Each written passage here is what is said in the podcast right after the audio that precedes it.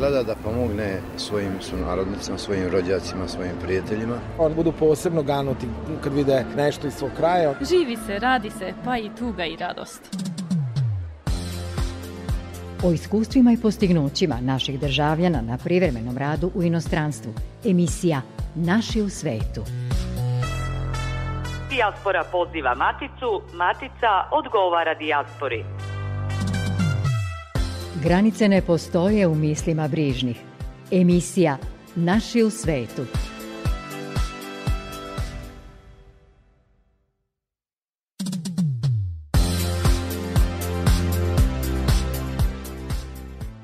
Dobro vam veče, poštovani slušaoci. Veliki pozdrav iz matične zemlje svima koji nas slušaju. Ovo je emisija namenjena pre svega postignućima naših ljudi na radu u inostranstvu i težnji matice da sa dijasporom ima što bliskije veze. Na početku informacija da se koronavirus u Srbiji intenzivno širi. Raste broj zaraženih i preminulih od posledica zaraze. Od sutra, od 22 časa, u ugostiteljske objekte moći će da se uđe samo uz COVID propusnicu, PCR ili antigenski test a u večerašnjoj emisiji o tome kako se putem srpskih nedeljnih novina informišu sunarodnici u Mađarskoj. Čuđete i koje će biti aktivnosti budućeg srpskog centra u Tunisu, a predstavljamo i kulturno-umetničko društvo Srpski vez u Severnoj Makedoniji. Sa vama su za tonskim pultom Novak Vasiljević i pred mikrofonom Goran Pavlović. Vežu nas događaj, misli, kultura i tradicija. Emisija Naši u svetu – U susednoj Mađarskoj se prema nekim procenama nalazi oko 10.000 Srba. Samouprava Srba u Mađarskoj preko mreže institucija pomaže našim ljudima da ostvare svoj identitet i održe kulturno-obrazovni segment života. U Budimpešti postoji srpska osnovna škola i gimnazija, srpsko pozorište, pedagoški centar. Glavni urednik srpskih nedeljnih novina, pisac književnog porekla, profesor Filozofskog fakulteta Univerziteta Etveš Lorand u Budimpešti, Dragan Jakovljević je moj sagovornik večeras. Rođeni ste u Kragujevcu, studirali i radili u Novom Sadu i u Beogradu, u medijima, član ste udruženja novinara, radite u Budimpešti gotovo 25 godina. Bogata radna biografija. Kako biste ocenili tih 25 godina ako pogledate unazad? Pa evo, pažljivo sam slušao ovu vašu najavu i dok ste to govorili, ja sam se setio da se upravo danas navršava 26 godina od kad sam ja u Budimpešti. Prošle godine je bilo četvrt veka, dakle, početak aprila je upravo bio kada sam stigao ovde, na početku privremeno, pa se to malo odužilo, neplanirano, a kasnije i planirano, tako da evo, prošlo je brzo ti četvrt veka, naravno i naši mediji ovde za koje ja radim doživljavali su različite faze u tom periodu, kao i ja naravno, Uh, tako da evo 25 godina sam već u srpskim nedeljnim novinama koje ovde izlaze, a poslednjih uh, deseta godina ih uređujem. Takođe, kao što ste rekli, radim na smeru za srpski jezik i književnost Filozofskog fakulteta ovde u Budimpešti, tako da se paralelno bavim i novinarstvom, odnosno medijima, a i naukom, odnosno obrazovanjem. Pa i mi mnogo toga radimo na daljinu, ono što se može naravno, mada se ne može sve u novinarstvu na daljinu, da. ali tehnologija ipak čini svoje. Lokalno glasilo Srba u Mađarskoj, reko smo Srpske nedeljne novine, delom finansira mađarska vlada. Kako biste ocenili tu saradnju i jesu li sredstva dovoljna da se neometano radi naročito u vreme pandemije? Pa sredstva su dovoljna za puko, da kažem, preživljavanje. Mi, nažalost, možda će vam izgledati čudno, pošto radite u velikoj redakciji, mi, nažalost, imamo samo dvoje stalno zaposlenih i par spoljnih saradnika, što, za nedeljnu, što je za nedeljnu produkciju veoma malo. Ako poredimo ona sredstva koje mađarska država izdvaja za medije u Vojvodini, to zaista izgleda simbolično jeste simbolično. Dakle, ne postoje uslovi za neki naš razvoj. Ne možemo recimo da okupimo mlade saradnike, jer ne možemo da im obećamo zaposlenje. Kada završe studije, kada počnu da se obučavaju kod nas, čim nađu neko sigurnije zaposlenje, oni odu, jer mi ne možemo da platimo njihov stalni radni odnos. Tako da imamo problem iz tog razloga sa podlatkom, odnosno generalno sa razvojem, ali e, novine izlaze kažem, kao i proteklih godina i sada, u smislu da funkcionišu u tom obimu sa tim brojem stranica u tom uopšte kvalitetu i kvantitetu kakav smo imali i do sada. Inače smo zadovoljni u principu saradnjom sa mađarskom vladom, finansiranje je redovno, što nama mnogo znači, za razliku od nekih ranijih vremena kada zaista nismo znali kada će kada će sredstva stići i da li će uopšte stići.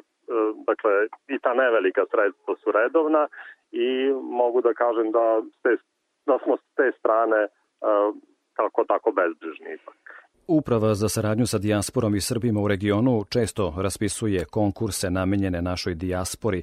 Da li se odazivate na te konkurse i koliko su vam oni pomoć u opstanku i unapređenju sadržaja vaše glasila? Pominje se i saradnja sa pokrajinskim institucijama ovde u Vojvodini.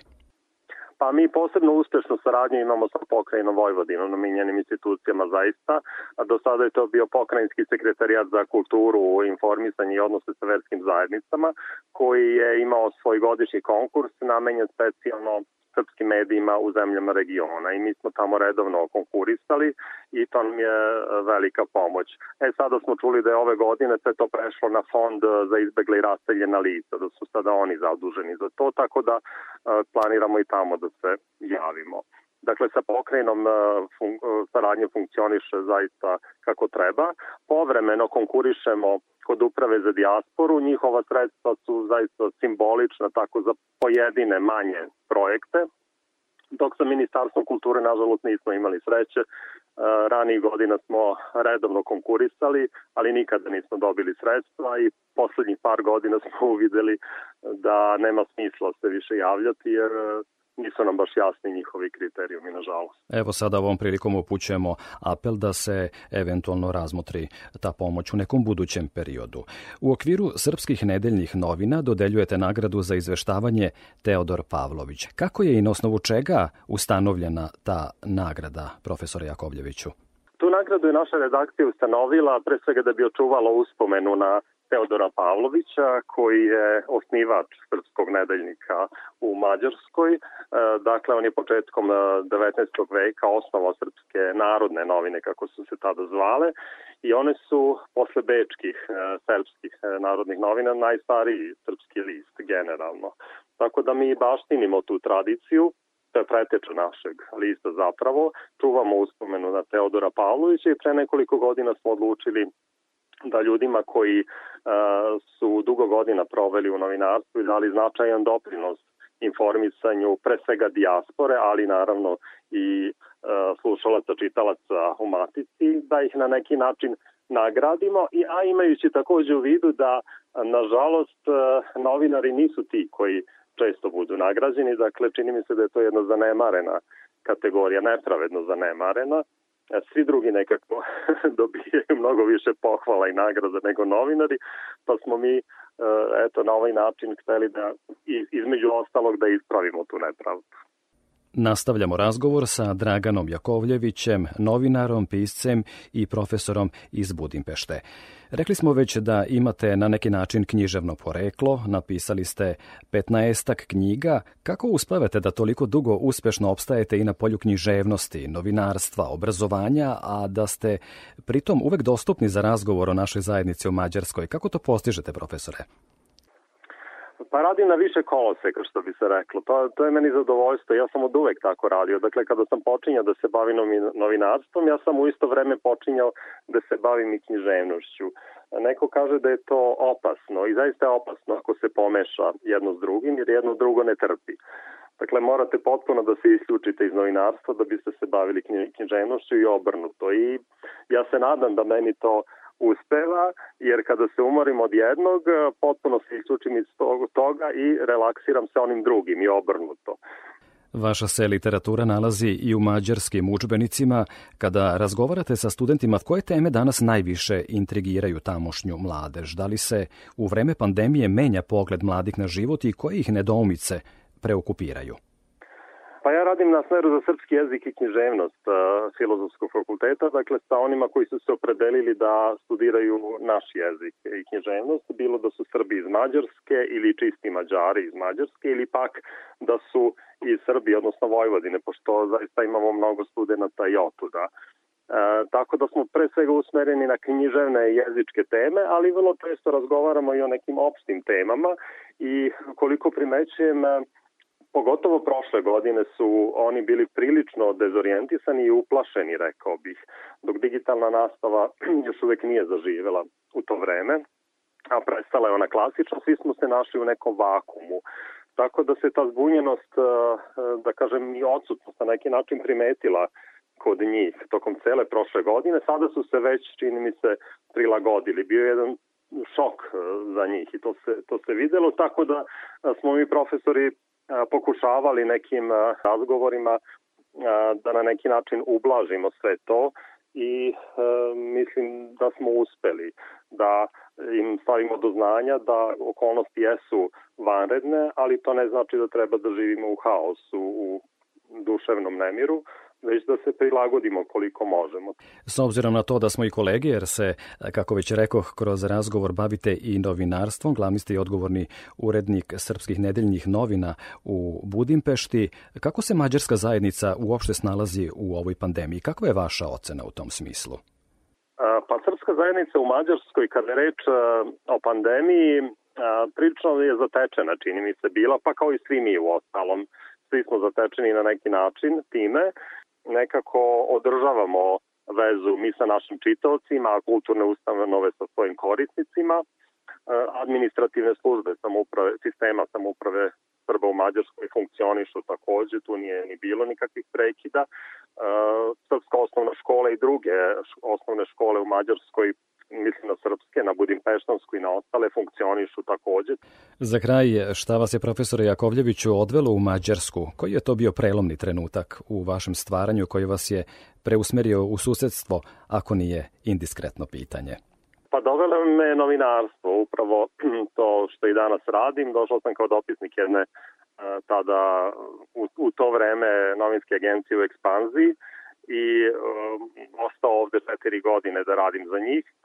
A kada je to isteklo, dobio sam tako je stice okolnosti bio praktično da sam dobio ponudu od tadašnjeg urednika našeg nedeljnika ovde da ostanem i da pomognem na neki način koliko mogu u njihovoj produkciji. Tako da sam posle kraćeg razmišljanja prihvatio tu ponudu, a kasnije je došlo moje stručno usavršavanje i eto fakultet kao, da kažem, kruna mog e, obrazovanja, mog školovanja, mislim na doktorske studije.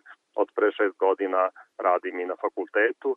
Tako da, eto, na više koloseka me ima, pa nadam se da uspevam da se nekako snađem i da zadovoljim e, sve ono što se od mene očekuje u novinama čitaoce, na fakultetu studente, a u mojim knjigama takođe one koji vole pisanu reč. Hvala vam profesore Jakovljeviću što ste nam predstavili srpsku zajednicu u susednoj Mađarskoj i sebe onoliko koliko smo stigli u jednom radijskom intervju u okviru emisije u kojoj rado govorimo o postignućima naših ljudi u svetu. Govoreći o vama kao novinaru, piscu i profesoru, ostajemo nedorečeni jer je mnogo vaših ostvarenja, naročito tokom četvrt veka provedenog u dijaspori, zato imamo razlog da vas ponovo pozovemo i čujemo nešto novo o vama, jer ljudi vašeg kalibra, stvaralačkog, e, kojima se mi u Matici ponosimo, uvek mogu da nas nauče nečem novom. Hvala najlepše na lepim rečima. Ja sam zaista počastovan ovim vašim pozivom i drago mi je da Radio Novi Sad ima jednu takvu emisiju. Ja sam ranije i sarađivao, a često sam bio i gost emisije Večera zajedno na Radio Beogradu i uglavnom smo sa njima sarađivali, a evo, drago mi je da je sada ostvaren i ovaj kontakt sa vašom emisijom. Ja ću se zaista uvek rado odazvati kad god smatrate da je celishodno da nešto kažem o Srbima u Mađarskoj. Veliki pozdrav iz Matice. Gost emisije Naši u svetu bio je Dragan Jakovljević, novinar, pisac i profesor iz Budimpešte.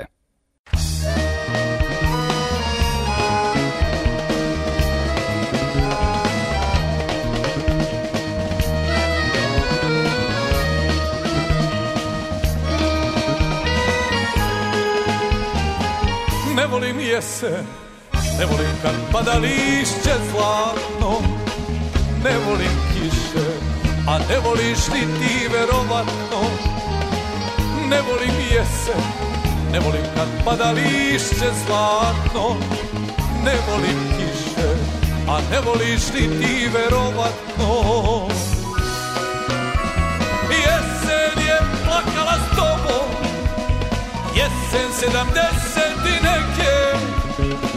tada smo poslednji put šetali kraj reke. Jesen je plakala s tobom, jesen sedamdeset i neke, tada smo poslednji put šetali kraj reke.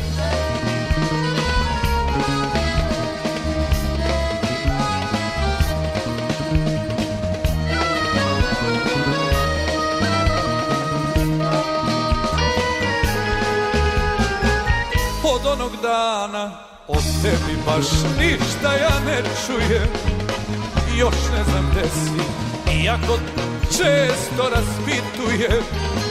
Od onog dana Od tebi baš ništa ja ne čujem. Još ne znam gde si Iako se često raspitujem. Jesen Jesen sedamdeset i neke. Tada smo poslednji put Šetali kraj reke. Jesen je plakala s tobom Jesen sedamdeset i neke. Tada smo poslednji put Šetali kraj reke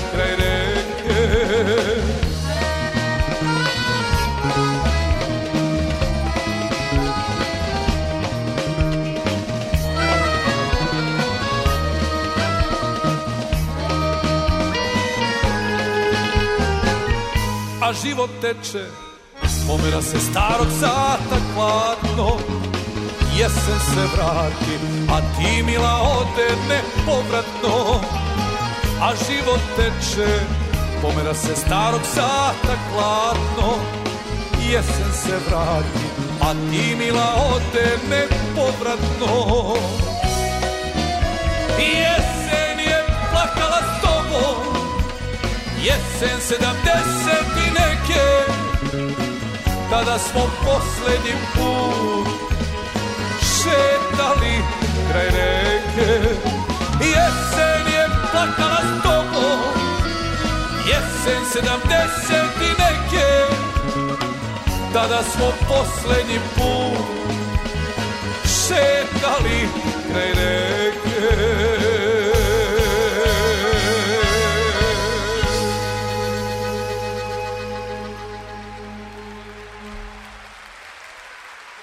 Emisija Naši u svetu. U, Tunis, u Tunisu bi uskoro trebalo da bude otvoren srpski kutak namenjen našim ljudima koji tamo žive, ali i Tunižanima koji su zainteresovani da nešto više saznaju o našoj kulturi i pisanoj reči. On je most koji bi trebalo da podstakne povezivanje pisaca i intelektualaca iz Srbije sa umetnicima u Tunisu, a u planu je organizovanje zajedničkih predavanja i seminara o promociji kulturnog postignuća u obe zemlje.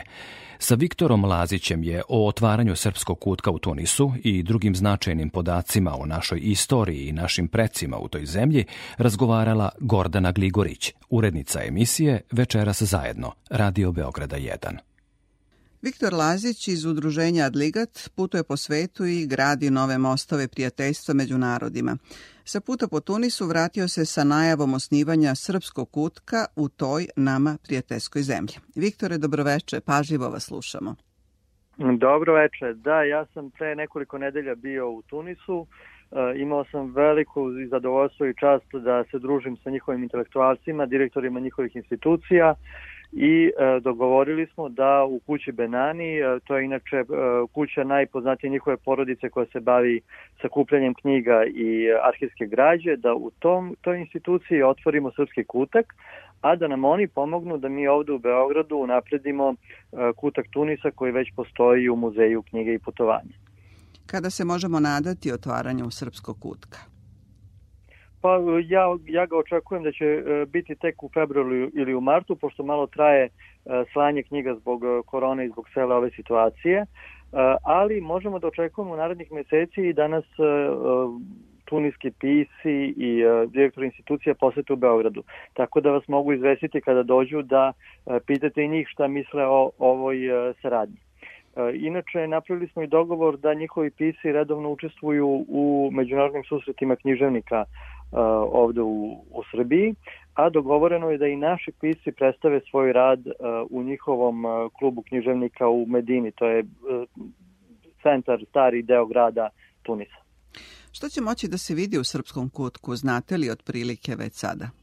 Kako da ne? E, ono što, što je najvažnije što ćemo poslati, to su prevodi e, naši, naše klasične književnosti, e, naših najpoznatijih pisaca na engleski, a i nešto i na arapski jezik, ono što postoji. Pre svega, naravno, Ivo Andrić, Meša Selimović, Laza Lazarević, zatim izbor naših živih pisaca a bit će jedan kontingent knjiga na srpskom jeziku za eventualno naše ljude koji rade u Tunisu ili tamo jednostavno malo duže borave da mogu da e, na licu mesta pozajme neku našu knjigu.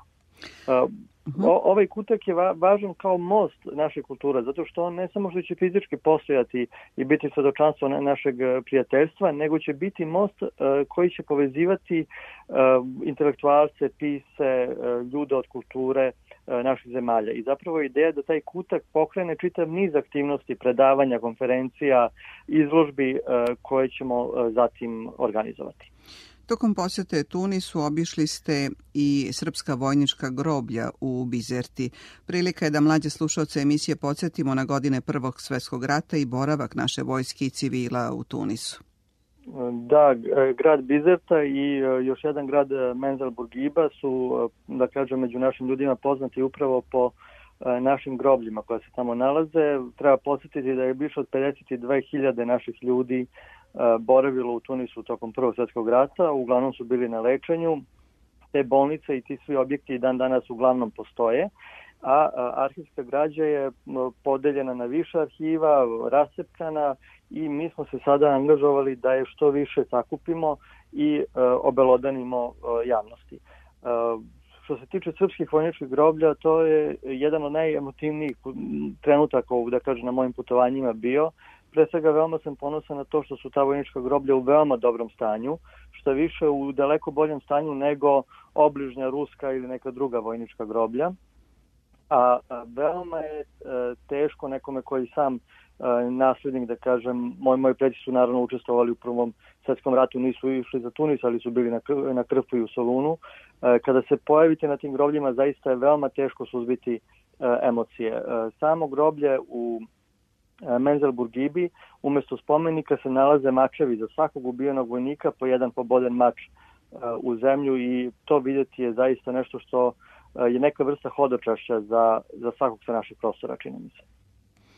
U najnovijem saopštenju o radu Adligata najavili ste otvaranje legata porodice Garašanin. Šta će moći da se vidi? Da, radi se o jednoj e, veoma bogatoj zbirci dokumenta i e, pre svega arhivske građe i ima, postoji jedan manji e, kontingent knjiga, ali više od 700 dokumenta. Tu ako bismo rangirali, naravno da je po, po značaju najvažnije sve ono što je pripadalo ili Garašaninu, dakle našem jednom od najpoznatijih naših državnika i političara, e, pisu poznatog načrtanija.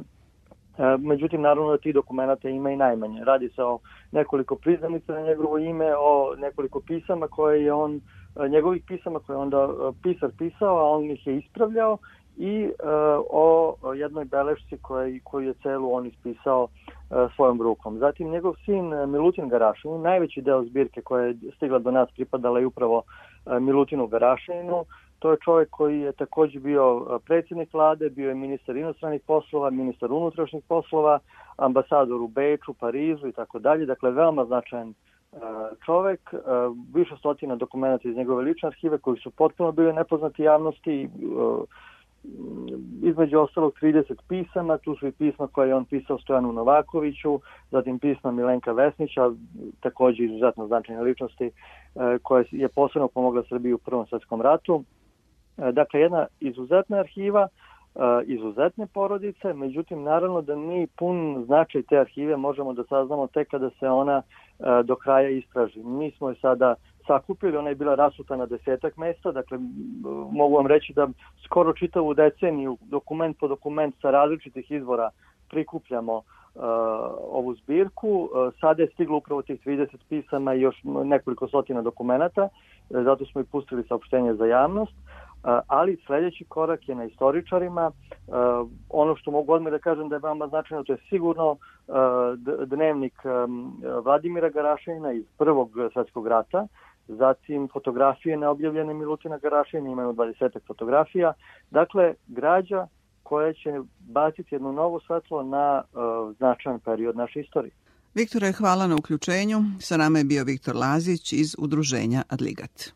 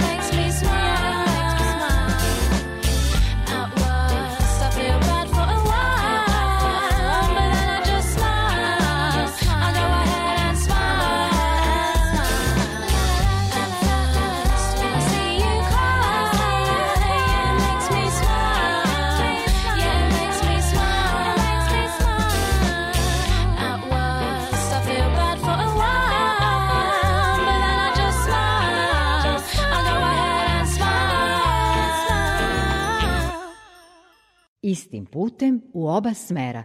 Emisija Naši u svetu.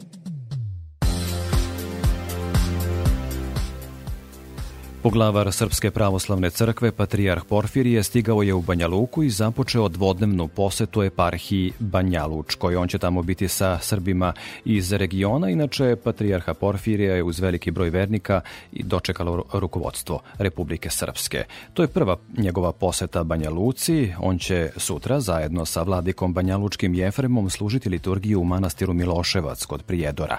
Manastir je obnovljen nakon više od tri veka od potpunog uništenja tokom Austrijsko-Turskog rata. a javni čas obrazovni krug susretanja održan na daljinu, podržan od strane Ministarstva prosvete Srbije, okupio je učenike i nastavnike iz Matice, regiona i dijaspore. Susretu su prisustvovali ministar prosvete Branko Ružić, ministar omladine i sporta Vanja Udovičić i direktor Uprave za saradnju s dijasporom i Srbima u regionu Arno Gujon.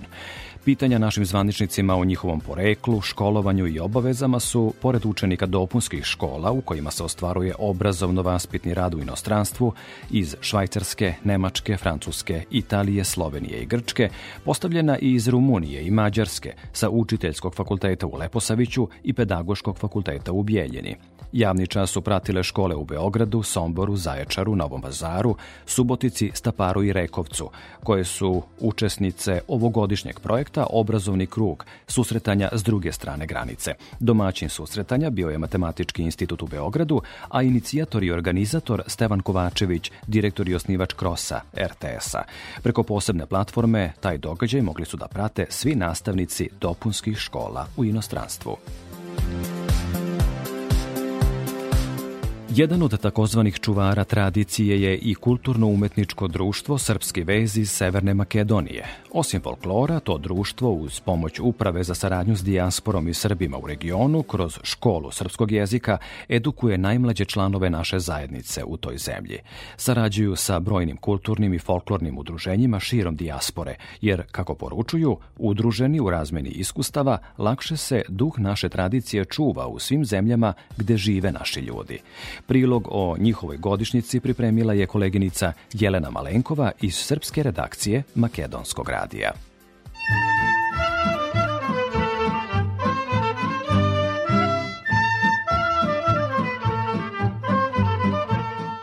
Kulturno-umetničko društvo Srpski vez iz Kumanova postoji punih osam godina imali su svoj celovečernji koncert povodom 8 godina uspešnog rada. Ovo kulturno-umetničko društvo u Makedoniji neguje lepu srpsku pesmu, igru i naravno celu srpsku tradiciju.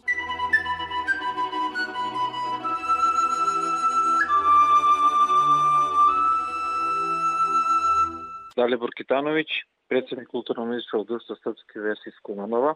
Povodom 8 godina svog postojanja i rada, Kulturno-umetničko društvo Srpske vesti iz Kumanova je držalo svoj osmi celovečerni godišnji koncert. Zbog trenutne pandemije koronavirusa ipak smo koncert uh, uspeli da organizujemo na, na otvorenom. To je bilo ispred platova Centra za kulturu Trajko Prokopijev u, u Kumanovu. Na samom koncertu predstavili su se sve folklorne sekcije našeg društva i to znači dječji ansambl, omladinski ansambl i prvi ansambl. Djeca su nastupila sa koreografijom igri Srbije, odrasli i prvi ansambl su igrali Crnu travu, igri iz okoline Pčinje i Kumanovsko polje. Specijalni gosti uh, ovog koncerta bili su naši drugari iz Detskog kulturnog centra Karpoš iz Skoplja, oni su igrali igre iz, iz Makedonije. Sklopu programa predstavili su se naš orkestar, naša etno grupa, naše solistkinje Vanja Tošić i Gordana Kuzmanovska sa nekoliko svojih numera. Na ovom koncertu smo imali čas da prezentujemo, odnosno da promovišemo našu radionicu srpskog jezika koja funkcionira u okviru naše biblioteke, naše kulturno-etičkog društva, koja već radi nekoliko meseci, skoro godinu dana, tako da par deca su recitovala nekoliko pesme na srpskom jeziku, tako da to je baš bilo divno, jer mi već imamo dve grupe u okviru radionice srpskog jezika i tri učiteljice koji izučavaju decu Prva grupa je ona mlađa od 7 do 14 godina i starija od 15 do 25 godina, tako da brojimo ukupno oko 40 dečaka i devojčica koji izučavaju svoj materni jezik kod nas u našem, na našem kudu. Moram da napomenem da ove godine smo imali specijalni gosti, predstavnici ambasade Zoran Kovačevik i zamenik ambasade Ruske federacije gospodin Aleksandar Kosmogejanski. Sa nama je bio i, i, i pratenik gospodin Ivan Stojilković, pratenik u, u Sobranju Skupštine Republike Makedonije Brane Petruševski, kao i sekretar opštine Kumano Aleksandar Gelevski. Isto tako bili su sa nama iz nacionalnog stavno Venac iz Gračanice i kulturno-umetničko društvo Branko Radičević iz Beograda. Tako da moram da kažem da mi je posebna čast što prvo postojimo i što smo uspeli pored ovih pandemije i ovih restrikcija zabrana da očuvamo naše članstvo, da očuvamo naše aktivnosti. Naravno uz sve protokoli i bezbednostne mere za zaštitu od samog samog virusa, međutim, uspeli smo nekako da opstanemo, uspeli smo da se pripremiti da, da organizujemo jedan najlepših koncerta u Kumanovu. I sve u svemu smo aktivni i uspevamo da, da opstanemo u ovim teškim vremenima, u ovim teškim uslovima. Naš osnovni cilj je očuvanje srpske kulture, tradicije, očuvanje srpskog jezika i identiteta i radimo na svim poljima i folklornog i kulturnog i muzičkog. Evo imamo i radionicu za očuvanje srpskog jezika. Moram da napomenem da nam je upravo da Diaspor pomogla, poslala nam je knjige za izučavanje srpskog jezika, na tome smo zahvalni. Trenutno sam preko 80 šalanova i imamo preko 8-9 koreografije postavljene u, u našem kudu, tako da e, imamo raznih nošnji, međutim uvijek je to problem je to je najskuplji deo našeg našeg rada. Očekujemo rezultate iz uprave za saradnju sa dijasporom i u regionu, tako da planiramo da, da malo popravimo pčinjsku nošnju, malo da, da popravimo ostale nošnje i da izradimo jednu novu koreografiju i novu nošnju u toku ovih sledećeg godina, to je igre iz okoline Skopske Crne Gore. Od ranih godine, 3-4 godine od naših postojanja, uspeli smo da, da pošaljemo naše neke mladince da uče koreografije, da uče ovaj, kako se radi sa decom i kako se postavljaju te koreografije. Tako da deo njih su sada u, u rukovodstvu, odnosno oni su rukovodići kadar umetničke rukovodioce folklornih grupa, kao što je Milena Nedeljković, Marko Mladenovski, Vitorija Kraljevska, tako da oni su naučili i shvatili kako se to radi, tako da prenose znanje ovde kod nas, jer kad uložeš u svoj kadar, kad uložeš u svoju omladinu, to se najviše isplati. Što se tiče naše pevačke sekcije, da, znači mi imamo jednu, imamo dve članice koji pevaju izvorne pesme srpske, posebno ovaj naš u Milozdušću Kosovski melos, to je Vanja Tošić i Gordana Kuzmanovska, sa njima radi profesor a, muzike i profesor pevanja a, Bojana Stanković, koji je isto članica prvog ansambla, tako da uspeli smo da oformimo jednu grupu koji isto tako gaje i one naše najlepše srpske pesme sa Kosovskog i sa, i sa ovog kraja ovde u, u trenu u današnjoj Severnoj Makedoniji. Tako da uspeli smo da, da obezbedimo i tamburu. Imamo dva kavala, imamo goč, imamo flejtu, tako da nameravamo da to usavršimo, da podignemo na jedan veći nivo kako bi sama etno grupa mogla da drži sam solistički koncert. Ove godine su se predstavili sa tri numere. To je bilo Mi smo deca neba, numera Suba moja i Trven cvet.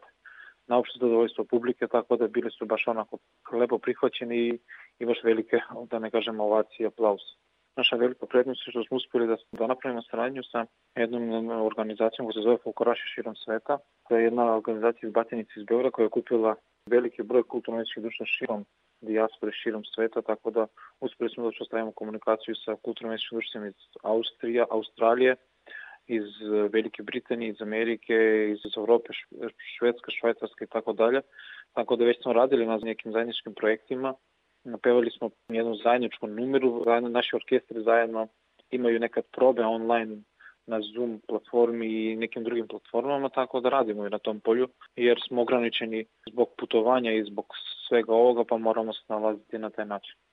Da, Zebrnjak uvijek smo deo organizacije, mislim uvijek smo oko programa angažovani, oko obeležavanja komunovske bitke. Mi smo i ove godine i prošle godine naš koncert posvetili, posvetili našim divljunacijama koji su dali svoje živote za, za da danas mi ovde živimo u miru i se već pripremamo oko programa koji će da bude kratak zbog sve ove i da ne ponavljam nove pandemije. Zahvaljujemo kolegama iz srpske redakcije Makedonskog radija. Još jedna informacija u vezi sa onima koji su iz Nemačke doputovali u Maticu. U nedelju stupa na snagu nova odluka. Sve osobe koje nisu vakcinisane ili nisu preležale koronavirus, a dolaze u Nemačku iz visokorizičnih zemalja, među kojima je i Srbija, moraće u desetodnevnu izolaciju po dolasku, saopšteno je iz Epidemiološkog instituta Robert Koch. Samo izolaciju mogu da prekinu nakon pet dana tako što će priložiti negativan PCR test. Za sve povratnike u Nemačku obavezna je prijava pre dolaska u tu zemlju, a vakcinisane i osobe koje su preležale koronavirus mogu prilikom prijave da prilože i svoj sertifikat o vakcinaciji, čime su oslobođeni karantina nakon povratka u tu zemlju. Poštovani slušalci, hvala vam što ste pratili priče iz Matice i Dijaspore koje su večeras za vas pripremali Gordana Gligorić, Jelena Malenkova i Goran Pavlović. Ukoliko želite da neku svoju životnu priču ili uspeh u dijaspori podelite sa nama, posetite Facebook stranicu Naši u svetu RTV i ostavite nam poruku. Očekujemo vas i narednog petka od 19.5. Želimo vam svako dobro.